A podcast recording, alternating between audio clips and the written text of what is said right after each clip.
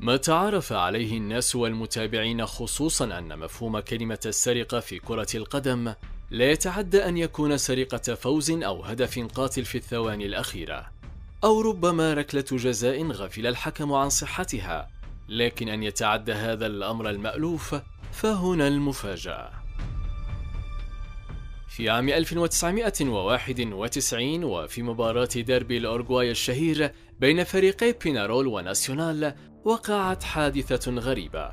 كان بطلها كل من ديلي فالديز مهاجم ناسيونال البانامية الجنسية والذي عرف عنه ارتداؤه للسلاسل الذهبية وللمجوهرات أثناء اللعب.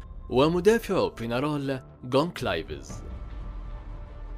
كانت الأمور عادية أثناء المباراة وفي لحظة تمركز اللاعبين قبل ضربة ركنية لناسيونال وبخفة يد عجيبة قام جون كلايفز بسحب أحد السلاسل الذهبية التي كان يلبسها فالديز ومن ثم أخفاها في أحد جواربه.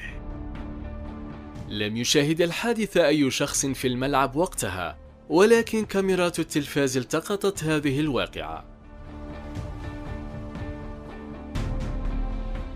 بعد نهاية المباراة استدعى فالديز الشرطة ووقفا ينتظران اللاعب اللص خارج غرفة الملابس.